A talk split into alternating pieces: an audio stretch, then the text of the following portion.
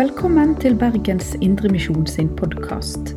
For mer informasjon om oss, besøk oss på betlehem.no, eller finn oss på Facebook og Instagram der som Bergens Indremisjon.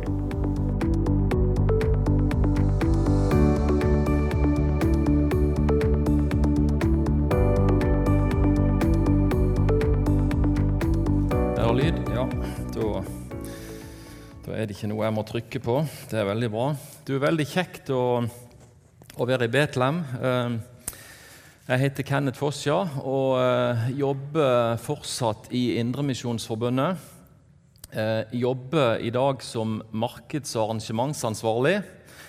Og det er jo, som det pleier å være i misjon, ganske mye forskjellig som disse stillingene blir fulgt med. Men jeg har ansvaret for eh, Jeg skal ikke påstå at det er de to viktigste arrangementene i IMF, for det er veldig mye som skjer, men jeg har ansvar for kanskje de to største i forhold til folk.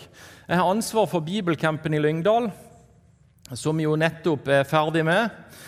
Og, og, og, så har jeg ansvar for den nye lederkonferansen som vi har hatt noen år eh, på høsten, som vi skal arrangere nå 5. til 7. november igjen. Eh, så er jeg litt ute og reise som forkynner som dette. Jeg har litt ansvar for det som går på innsamling, det å pleie faste givere og, og litt sånne ting. Og så eh, sitter jeg òg i noen av skolestyrene til IMF, bl.a. på bibelskolen på Bildøy. Og Det er jo veldig kjekt å kunne informere om. Det kan jo være at dere vet det, men nå i uh, august så starta det opp uh, 93 studenter på bibelskolen, og det er kjempegode tall. Vi har starta opp et par nye linjer, blant annet, så det gleder vi oss uh, veldig over. Ellers så bor jeg på Sotra, er gift og har tre barn. og Yngste er med her, Emilie. Hun er ti år. Hun blir snart elleve. Denne helga er vi litt sånn uh, spredt, så hun uh, måtte dessverre være med meg inn her i dag. Nei, det tror jeg går veldig fint. Og vi er aktive i uh, IMF Straume på, på Sotra. Jeg tenkte jo kanskje at jeg hadde lyst til å bare slå et lite sånn slag for lederkonferansen vår 5. til, til 7. november. I fjor så måtte vi avlyse pga. korona.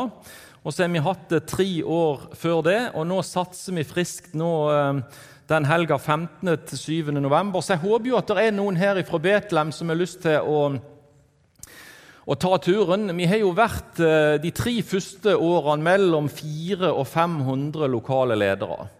Det er ledere som er engasjert i alt det arbeidet som vi har. Det er alt ifra folk som er engasjert i barnearbeid lokalt, eh, ungdomsarbeid, eh, folk som er engasjert i bønnearbeid, folk som driver med forkynnelse, folk som driver håper jeg, sitter i styre og stell. Så det er egentlig noe for alle i håp, tror jeg.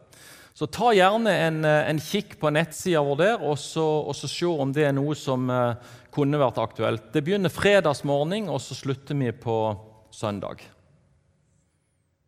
Så ta gjerne en uh, kikk på det. Uh, jeg tror vi skal ta oss og uh, be litt sammen før vi deler litt ifra Guds ord. Kjære Jesus, jeg har lyst til å takke deg for at du er her. Takk for at vi kan samles om ditt navn, ditt ord. Så takker vi deg i dag for at du kom til jord. Takk for at du var villig til å gå i døden for oss. Takk for at du sonte for alle våre synder. Og takk for at vi skal få lov til å være med i tjeneste for deg og få med enda flere til himmelen. Og Så takker vi deg òg i dag for at det var noen som gikk med ordet til. Takk for foreldre, takk for familie, takk for venner, takk for ledere som eh, pekte på deg, Jesus, for oss, sånn at vi fikk lov til å tro på deg. Og så ber vi for alle våre der de er. Vi ber om at du må være hos dem, ber om at du må gi dem det som du ser at de trenger. Så jeg har lyst til å be for det temaet som vi skal snakke litt om i dag. Be om at vi må få lov til å være menneskefiskere. Be om at eh, livet vårt eh, må få lov til å bety noe utover oss sjøl. Amen. Uh, ja, Det ble jo ikke søndagens tekst i dag. Uh, og uh, Jeg har jo forstått, jeg var jo her i mai, og da brukte jeg søndagens tekst. I dag så kjente jeg liksom litt på at jeg hadde lyst til å si litt om dette med å være menneskefiskere. Det er noe som jeg har tenkt litt på egentlig over ganske lang tid, og forkynt litt om før òg det siste året. Og det som jeg kjenner litt på sånn i hele bedehusarbeider og det som vi står i, så kjenner jeg at jeg syns det er så ufattelig kjipt at ikke vi i enda større grad klarer å nå nye mennesker med evangeliet.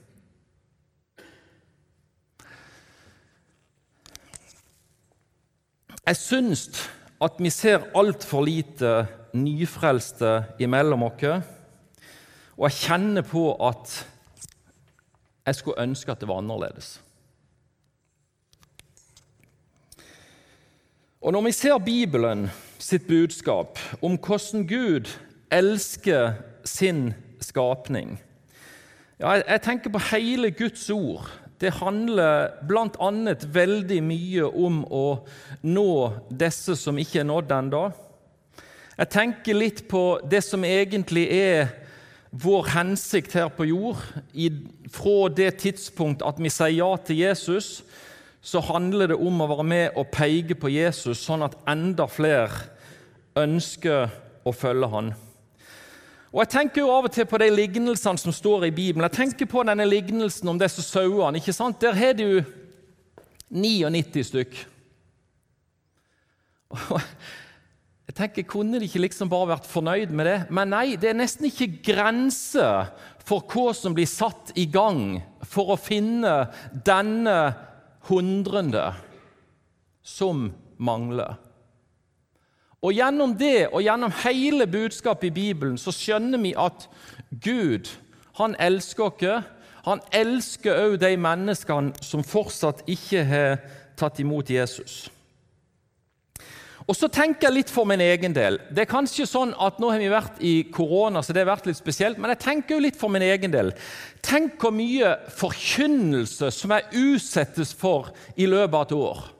Jeg går på møter, kanskje flere ganger i uka. Jeg er med kanskje i bønnearbeid. Jeg er med på ulike sider og blir påvirka av forkynnelse hele tida. Og det er mange av dere òg. Så tenker jeg Hvorfor skjer det ikke mer imellom oss i form av at nye mennesker blir nådd med evangeliet?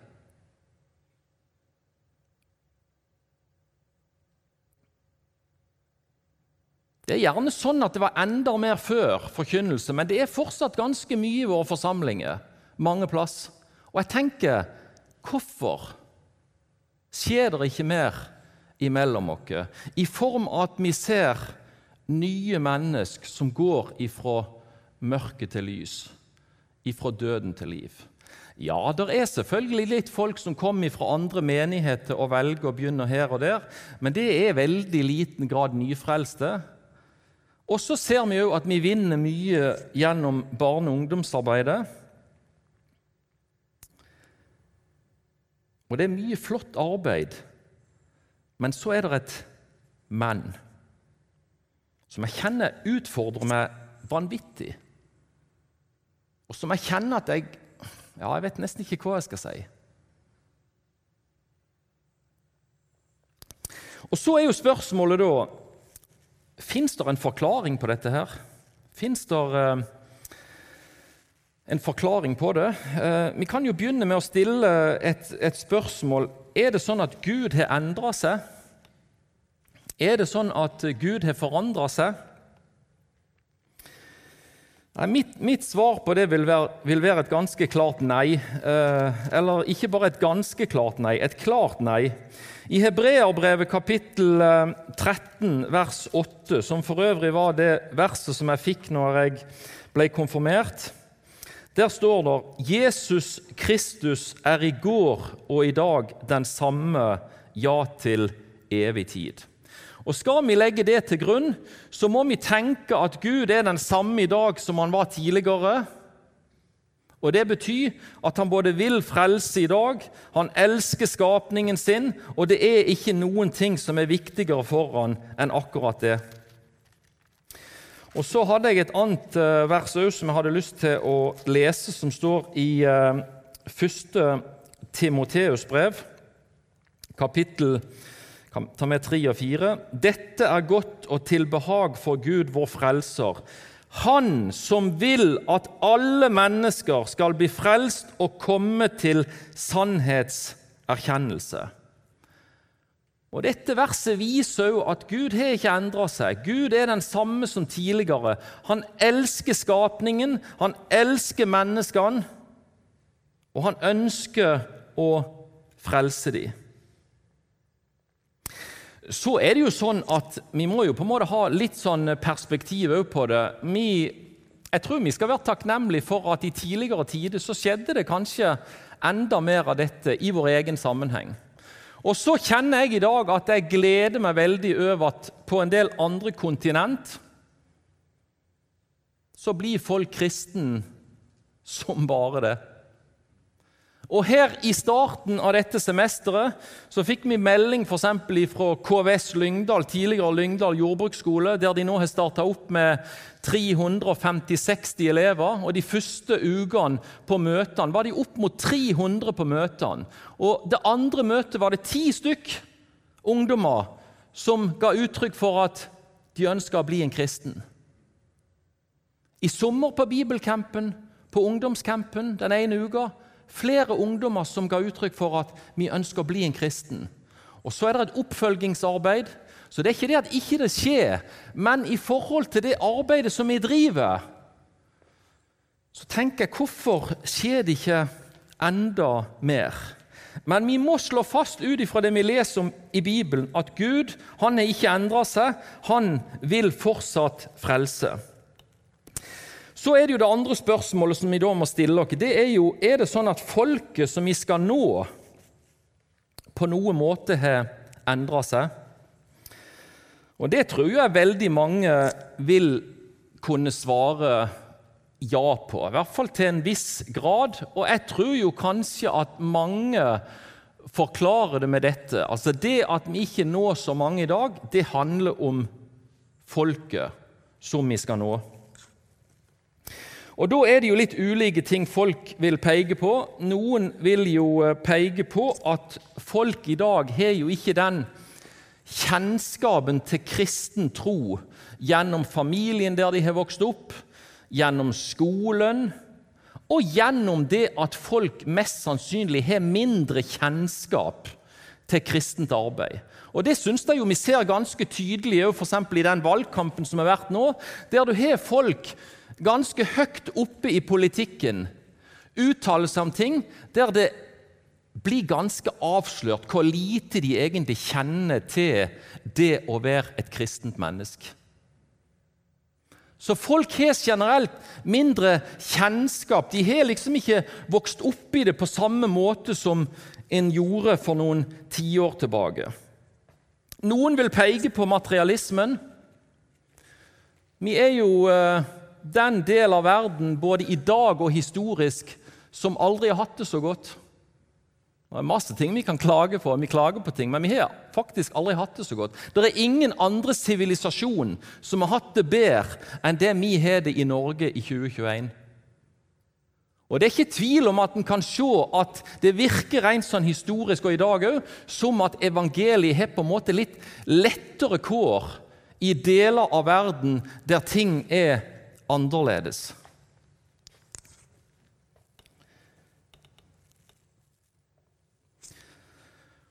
Og kunnskapen er lavere blant folk flest i forhold til det som vi snakker om her.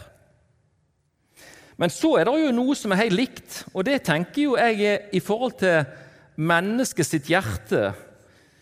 Vi synder fortsatt.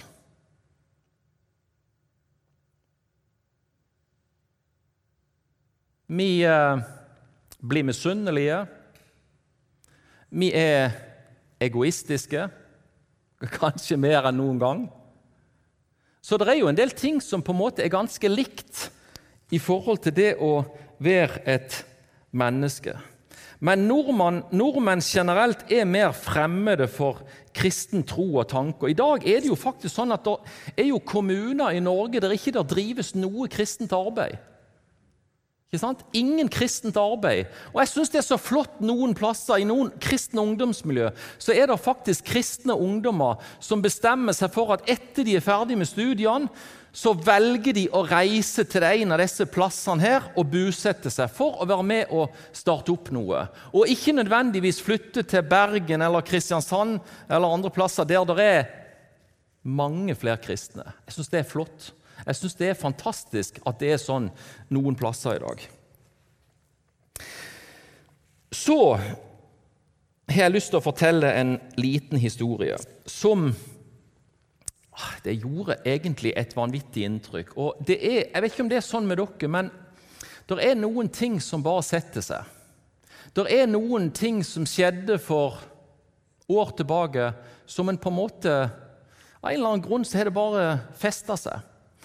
Eh, I Indremisjonsforbundet så hadde vi, før vi begynte med lederkonferansen, så hadde vi i mange år et arbeidermøte da, eh, de siste årene før vi la det ned, eh, i starten av året. Mange år før jul, men i starten av et nytt år. Og Dette er noen år tilbake, og da husker jeg vi hadde besøk av en bibeltimeholder som hadde bibeltimer hver dag. Og Han har på en måte bl.a. reist i en del muslimske land og har kontakt med kristenledere i noen av disse landene. Eh, og han her, Nordmannen som hadde bibeltimene på arbeidermøtet, han eh, fortalte at han en gang hadde spurt en av disse her eh, kristne lederne i dette muslimske landet hva er det som på en måte er den største hindringa for at muslimene skal kunne ta imot Jesus Kristus som sin frelser. Og Da tenkte han her at da kommer det jo sikkert et eller annet svar som handler om at eh, det er vanskelig å få inn bibler, det er vanskelig å få inn kristen litteratur, vi får ikke lov å samles. Men denne kristne lederen i dette muslimske landet, vet du hva han svarte? Han sa det at det største hinderet det er at 85% av alle muslimer kjenner ingen kristne mennesker. Tenk det. 85% av jordens muslimer kjenner ikke et gjenfødt kristent menneske. En etterfølger av Jesus Kristus. Og det har jeg aldri glemt. Det har sittet i meg. Og når jeg skulle forberede meg til dette, så tenkte jeg det har jeg lyst til å ta med. Jeg tror ikke at situasjonen er sånn i Norge, så ille. Men jeg tror at det er færre i dag i Norges befolkning som kjenner kristne mennesker enn tidligere. Og det er en stor utfordring i forhold til det å skulle gi evangeliet videre skal stille et veldig personlig spørsmål. Blant de ti nærmeste vennene dine er der noen ikke-kristne? Jeg må svare nei på det. Blant mine nærmeste, åtte-ti nærmeste, så er det ikke ikke-kristne. Det er kristne mennesker. Og Det tenker jeg er en ufattelig stor utfordring for at jeg skal kunne være med og dele evangeliet med andre mennesker.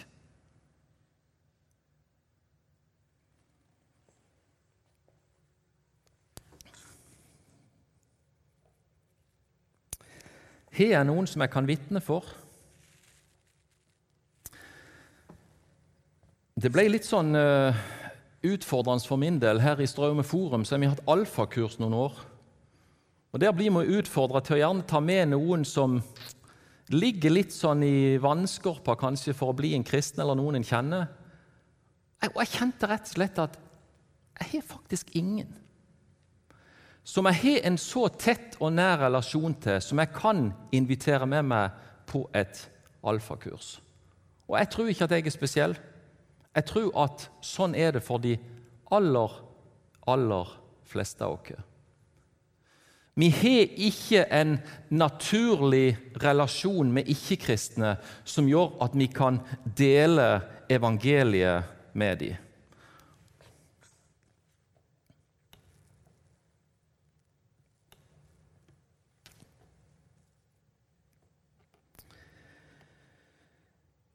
Navigatørene gjorde en undersøkelse for noen år tilbake. Det er sikkert ti år siden, og det er sikkert endra seg. Men det, det, var litt av det samme. dette at De fant ut at det var et veldig fåtall av kristne mennesker som hadde ikke-kristne mennesker blant de åtte-ti nærmeste.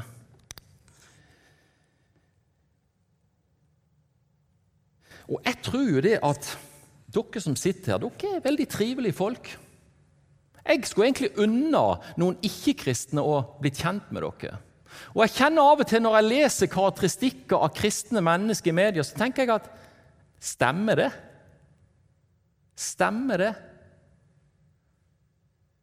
Jeg skulle ønske at det er noen naboer, at det er noen i arbeidsmiljøet ditt. Eller hvis du driver med et eller annet som enten handler om tennis eller bordtennis eller politikk eller hva det måtte være, så skulle jeg ønske at det var noen mennesker der som du brukte litt tid på, som du ba for, som du brukte tid med, for å komme i en relasjon sånn at du på et eller annet tidspunkt kan dele evangeliet med dem. Jeg tror at vi sitter med veldig mye bra inni oss, evangeliet av Jesus, men vi har ingen å gi det til. Vi har ingen å gi det til, fordi at vi er ikke i denne relasjonen til disse folkene som skal nå oss.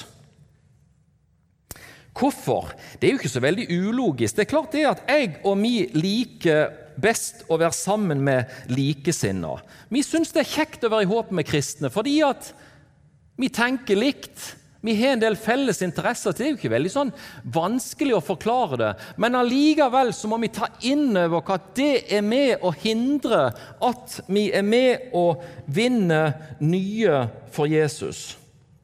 Og så er det klart det at det fins en balanse her. Ikke sant? Jeg tenker ikke nå at vi liksom skal droppe alt som heter kristent arbeid og, og kristent fellesskap. Men jeg tror at hver enkelt har ansvar for å innrette livet vårt sånn at vi har en relasjon til det kristne.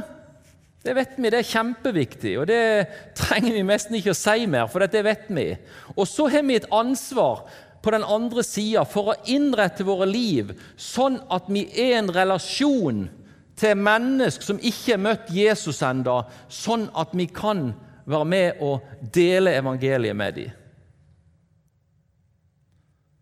Jeg jobber i misjonen, så jeg har, jeg veldig lite kollegaer jeg kan dele evangeliet med. For det er gjenfødte mennesker. Ok, Så må jeg finne andre måter å gjøre det på. Noen av dere har et vanlig yrke der dere er blant ikke-kristne. Eller fritid eller ikke. Det handler om å innrette våre liv, det handler om å gjøre noen valg, det handler om å gjøre noen prioriteringer, sånn at vi kommer i en relasjon til mennesker, sånn at vi kan dele evangeliet med dem. Hvordan levde Jesus?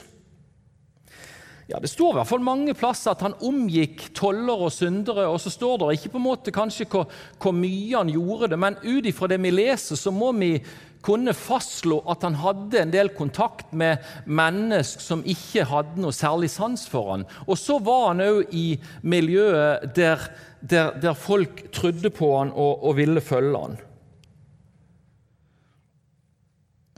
Og så er det gjerne sånn fra gammelt av noen som blir veldig sånn skeptiske til en sånn type strategi, fordi at en ser opp igjennom at hvis en har blitt for glad i verden, så kan en på en måte havne vekk. Og Det er ikke det jeg tar til orde for. Det som jeg tar til orde for, det er at når vi ser hvor mye fokus det er i Bibelen på Jesus og det at han elsker oss, og at han òg elsker de som ikke er tatt imot ennå Og når jeg ser hvor lite vi når nye, så tenker jeg at da må ringe noen bjeller. Vi kjenner at vi blir utfordra, og så handler det om å gjøre noe med det. Og så kan jeg godt si at det kan godt være at vi skulle ha snakket mye om andre ting òg i dag, som er viktige for en menneskefisker. Vi, jeg var her på UV i går og snakket om fundamentet for det å, å eh, leve et misjonalt liv. Klart det er kjempeviktig med forholdet vårt til Bibelen. Skal han være en menneskefisker? Det er kjempeviktig å bruke tid i bønn. Skal vi være en menneskefisker? Det er kjempeviktig å bruke tid i det kristne fellesskapet.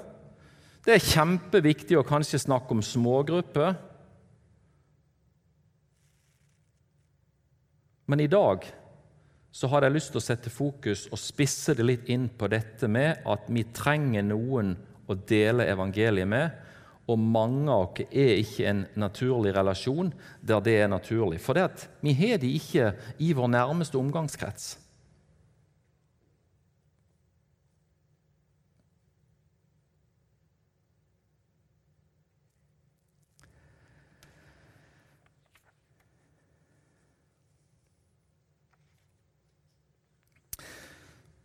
Jeg håper du kan ta dette som en positiv utfordring. Eh, jeg kjenner at dette er vanvittig utfordrende i mitt eget liv, og jeg tenker at ting som en blir utfordra av, er bra å snakke om. Eh, og så er det kanskje noen du tenker på i ditt liv. Enten naboer, kollegaer på jobb, noen du går i forening med. Noen som du tenker spesielt på, som du vet Gud elsker, som du vet at Jesus kom til jord for og døde for. Og så er du i en relasjon, eller kanskje ikke. Så tenk at kanskje du nå denne høsten kunne ha bedt over dette. Og så tenker jeg òg at du kunne ha gjort noe med det. Sånn at ikke vi bare blir sånne ordets hørere, som det står om i Jakob, men at vi blir ordets gjørere. Det er det vanskeligste. Det er lett å høre på ting og synes det var en bra tale, men det å få satt det ut i livet, det å gjøre det som ordet sier, det er det vanskeligste. Og det trenger vi hjelp til. Vi trenger å be til Gud, vi trenger å be til Jesus om en forsterka nød, og ikke minst dette at vi våger noe i vårt kristentliv. At vi tør å gjøre noe annet enn det har vi gjort. Det å komme i en kontakt her, en relasjon med mennesk som Jesus elsker. Vi ber litt sammen. Kjære Jesus, jeg vet ikke hvordan dette ble. Jeg har lyst til å eh, bare be eh, om at eh, dette som du har snakket med oss i dag, at det kan leve videre i mitt liv. At ikke bare liksom avfeier det. Eh, og så vet du det at det er ekstremt vanskelig for oss, selv om vi er kristne, til å komme ut av våre hjulspor og tradisjoner. Og kjære Jesus, jeg har lyst til å be for dere alle om at det som du har lagt dere på hjertet, det at du elsker oss så høyt at du ga din sønn for oss, det gjelder like mye òg for de som ikke er tatt imot ennå. Og så ber vi om at du må hjelpe oss til å komme i en relasjon med mennesker som ikke tror på deg, sånn at vi kan få lov til å gi dem evangeliet. Og Så er det kanskje noen som vi tenker på. Jeg tenker på noen i mitt liv. Og så er det kanskje andre som tenker på sine. Og så vet vi alt det som ble satt i stand for å finne denne ene sauen Jesus. Du hadde jo de 99, men det var nesten ikke grenser for hva som ble satt i sving for å finne denne ene. Kjære Jesus, hjelp oss til å leite, hjelp oss til å speide, og hjelp oss til å kunne dele evangeliet, det som du har gitt dere, sånn at enda flere kan eh, bli kjent med deg før det er for seint. Be for Betlehem, be for de som går her, både de små, de unge, de voksne og eldre. Be om at du må beskytte, bevare og gi dem alt de trenger. Amen. Du har lytta til Bergens Indremisjon sin podkast. For mer informasjon om oss, besøk oss på betlehem.no, eller finn oss på Facebook og Instagram der som Bergens Indremisjon.